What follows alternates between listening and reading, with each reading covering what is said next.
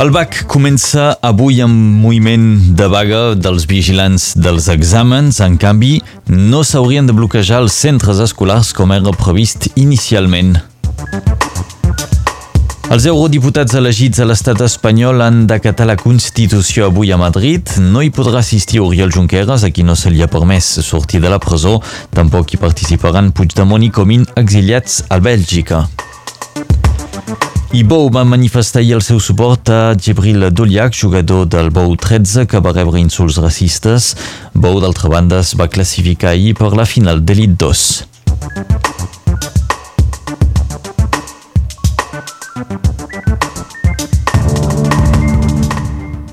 Un mainatge de 3 anys va morir ahir a la tarda a Mias. El nin, originari de Corbera la Cabana, va morir ofegat en caure en un rec mentre passejava amb els seus pares.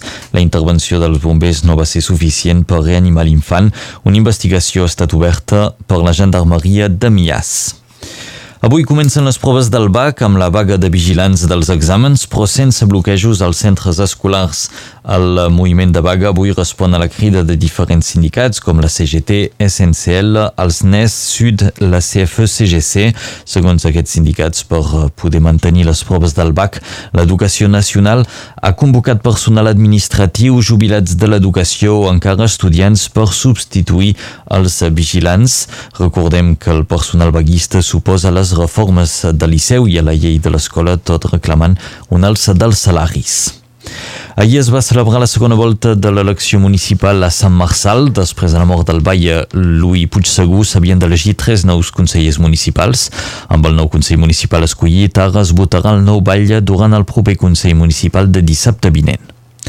La CGT crida a manifestar aquell matí davant dels locals de la posta de l'Anyà per defensar el servei públic de proximitat.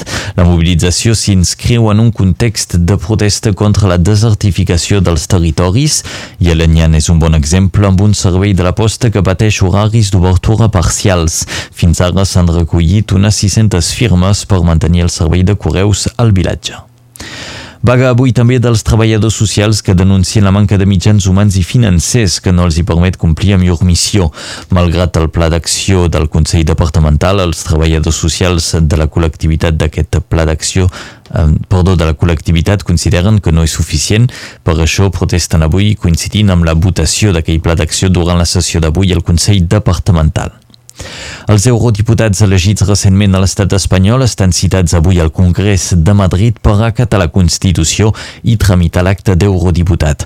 La defensa de Junqueras va presentar ahir un recurs que demanava al Tribunal Suprem que suspengui la prohibició d'anar al Congrés a recollir la seu acte d'eurodiputat i demana que el Tribunal de Justícia de la Unió Europea a Luxemburg es pronunciï sobre el cas. El text del recurs denuncia que l'impediment d'anar-hi és una vulneració de drets fonamentals. I d'altra banda, Carles Puigdemont i Toni Comín han anunciat que si la Junta Electoral espanyola es nega a proclamar-los eurodiputats perquè no van fins a Madrid a jugar al càrrec, doncs també presentaran un recurs al Tribunal de Justícia de la Unió Europea de Luxemburg. Aquest cap de setmana s'han fet la, la constitució dels ajuntaments de Catalunya Sud i Junts per Catalunya és la força més balles, 370 exactament. Molt a prop hi trobem eh, Esquerra Republicana amb 359. Segueixen el PSC amb 89, la CUP amb 19, els Comuns amb 16. El PP només té un batlle a Catalunya i Ciutadans no en té cap. I a Barcelona, de Colau segueix sent batllessa gràcies a un pacte polèmic amb el PSC i amb Manuel Valls. Junts per Catalunya manté l'alcaldia de Girona amb Marta Madrenes, que governarà en minoria, i el PSC perd dues alcaldies de pes, com són la de Lleida i de Tarragona, en benefici d'Esquerra Republicana.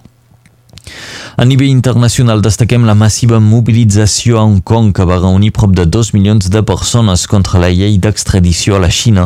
Els manifestants reclamen la retirada completa d'aquest projecte de llei d'extradició i també la dimissió de la cap de l'executiu Carrie Lam. La llei que preparava el Parlament d'Hong Kong facilitava l'extradició de la Xina de presumptes criminals i l'oposició hi veia una via ràpida per castigar dissidents polítics.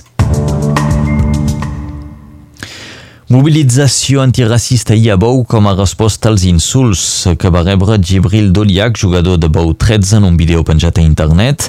El club i la federació van portar queixa, però ahir van ser els seguidors que es van mobilitzar contra el racisme en motiu de la semifinal d'Elit 2 entre Bou i Pia. En aquest match, Bou va guanyar per 44 a 16. La final es jugarà diumenge, però els boutencs no coneixen encara el seu rival. En efecte, dissabte l'altra semifinal es va haver d'interrompre a causa de nous insults insults racistes.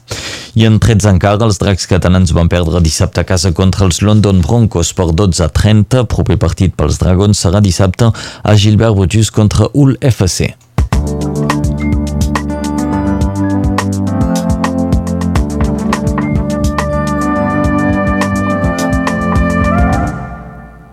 La informació del temps ara mateix és amb la Laura Bertran.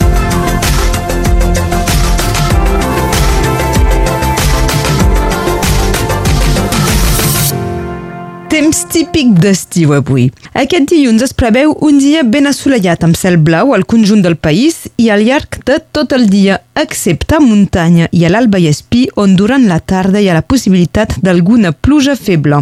El vent és una feble marinada i on més es farà notar serà aquest matí al litoral. Fa més calor que ahir i les temperatures màximes haurien de pujar fins als 33 graus a Serret, 31 graus a Taltaúi, 30 del Banc de Prada, 29 a Perpinyà, 28 graus tant a Sureda com a Salses, 27 a Prats de Molló i Mosset, 26 graus a Canet, 25 a Cotlliure, 24 del Banc de Sallagosa, 22 graus a Matamala i 21 de màxima a Monlluís. El rècord de calor a Ribes Altes per un dia com avui és molt recent.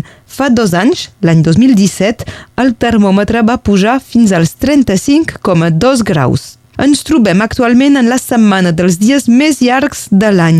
El sol es pondrà aquest vespre a les 9 i 28 minuts. Avui és l'aniversari del Guillem Guirado.